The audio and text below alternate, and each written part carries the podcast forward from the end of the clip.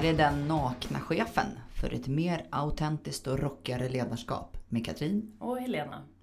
Helena, vad betyder värdegrund för dig?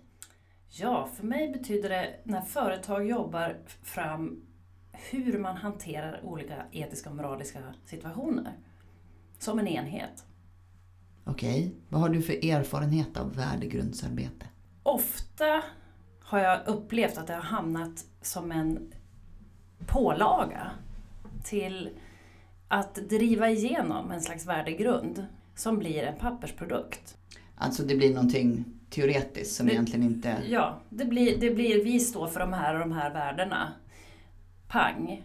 Men man har sällan gått så långt att man har funderat över olika situationer. Vad betyder det att jag ska göra i mitt jobb när det här inträffar? Men du, om, om vi bara backar lite. Värdegrund, Mm. alltså det är en grund för värden och värderingar. Det är ju också någonting personligt, eller hur? Ja, det, det är ju märkligt hur man kombinerar det här som både en värdegrund för ett företag och värdegrund för en person. Och är det så att vi alltid har samma värdegrund som person som vårt företag har? Alltså jag tänker att om man är en hyfsat stor organisation, säg Mm. mer än 500, kanske mer än 1000 eller mycket, mycket större än så. Mm. Med olika erfarenheter, Mm. olika bakgrund, olika, alltså vi har varit med om massor med olika saker i våra liv. Och det är ju samtidigt det som är, är möjligheten. Ja, ja det, det skapar dynamiken. Exakt. Ja. Är det ens möjligt att, att dela värdegrund? Alltså att ha samma värdegrund, säg tusen pers med alla sina olika livserfarenheter. Är det möjligt? Ja, Det är jättesvårt för då kan det plötsligt bli religiöst. Det vill säga någon slags pålaga. Du måste ha samma värdegrund som jag oavsett var du kommer ifrån. Har du några bra erfarenheter någon gång när det har bidragit till det man har velat att det ska bidra till? Ja, alltså det kan bidra till att ge svar på olika frågor.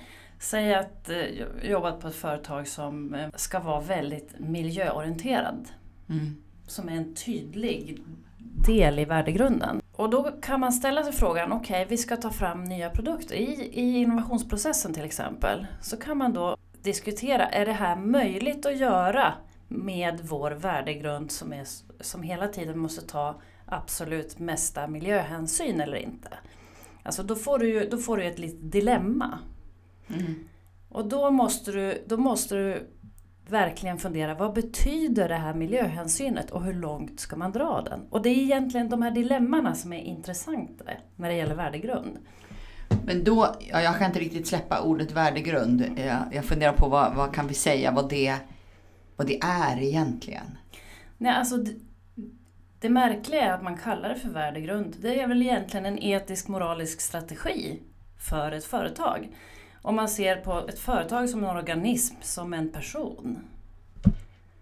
Ja, det make more sense för mig. Ja, Alltså en, en etisk strategi. mm, Och, och en strategi handlar ju om hur mm, vi gör någonting. mm.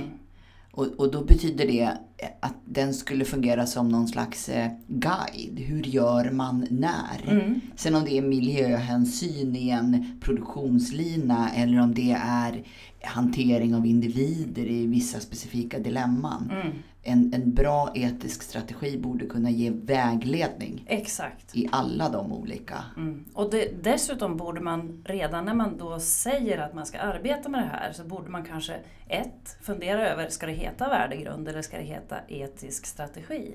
Mm. Och sen borde man kanske dra det ett steg till och säga, vad betyder det för? Just det, berätta om det. Hur kan man göra det? Ja, jag tror att du, du behöver jobba med dilemman på det sättet. Du behöver, ja, vad betyder det om person Y kommer för sent? Mm. Hur hanterar vi det? Vad betyder det om person Y kommer för sent för att hans fru dog? Mm. Vad betyder det om samma person kommer för sent för att han var ute och festade till klockan sju på morgonen? Vi har olika situationer där vi behöver vägledning för hur vi ska agera. Och som ändrar, som ändrar hela Ja, dilemmat rätt precis. mycket. Ja. När du Så- lägger till de där Precis. raderna så får man ju två helt olika bilder. ja, men det är ju det. Först kan man ju bara säga nej det är aldrig okej att komma för sent. Ja. Det är ett väldigt enkelt exempel Mm. men ändå. Ja, men Och sen bara för att göra det så- tydligt. ja. Ja.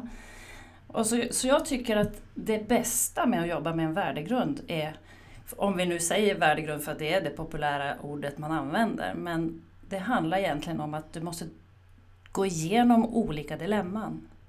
Mm.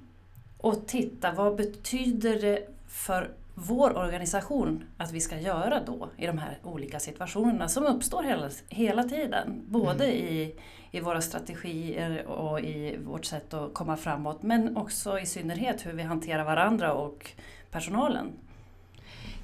Ja, jag tänker också som naken chef. Jag har många gånger varit med om att det är liksom lite för mycket av det där. Nu ska vi i ledningen tala om för människorna hur de ska vara. Eh, och det är ju förvisso inte osant. Det är ju en del av en ledningsuppgift. Men det effektivaste sättet, i alla fall för en naken chef att göra det, det är genom att själv vara det. Vad bra att du säger det så gott det bara går. Ja. Och, och, och ibland så tycker jag att vi som chefer låter oss själva smita undan och då blir det en omväg. Mm. För att om jag ska berätta för människor, det är egentligen walk the talk som jag pratar Mm. om. Eller de gör inte det du säger, Mm. de gör det du gör. Mm. Och, och om vi inte ställer det grundkravet på oss själva när vi har filat ihop den här, om vi nu kallar den värdegrund, Mm. som du säger, det är det vi oftast använder. Eh, Även om jag tycker väldigt mycket om etisk strategi, det säger mig mer. Mm. Och, och, och sen kan vi hoppa över det steget. Att liksom tvinga oss själva in i den och pröva vad betyder det för oss som individer, som ledningsgrupp till exempel. Utan går direkt liksom ut på människorna. Mm. Alltså det bästa är ju att man själv har skapat tänkesättet kring det. Mm. Det tror jag är jätteviktigt. Så att du, du ändå skapar en form av etisk riktlinje för Mm. hur agerar vi också att vi kan ha en viss röd tråd i organisationen så att det blir en liknande hantering i olika situationer. Och samtidigt om vi kunde våga vara väldigt tydliga med att vi aldrig förväntar oss, jag gör inte det i alla fall, det, det tycker att vi aldrig förväntar oss att, att alla människor som jobbar i en viss organisation, hur stor eller liten den nu, ska ha samma värdegrund. Nej, Det vore kanske till och med farligt om man nu skulle lyckas åstadkomma det. ja, jag tror farligt, ja, det känns lite sekt. Så här likriktat Ja, liksom. Var är likriktat. mångfalden då? Framför lite modigare ledningar där vi walk the talk, faktiskt. En naken chef med en etisk strategi. Mm. Det här är den nakna chefen. Med Katrin Och Helena.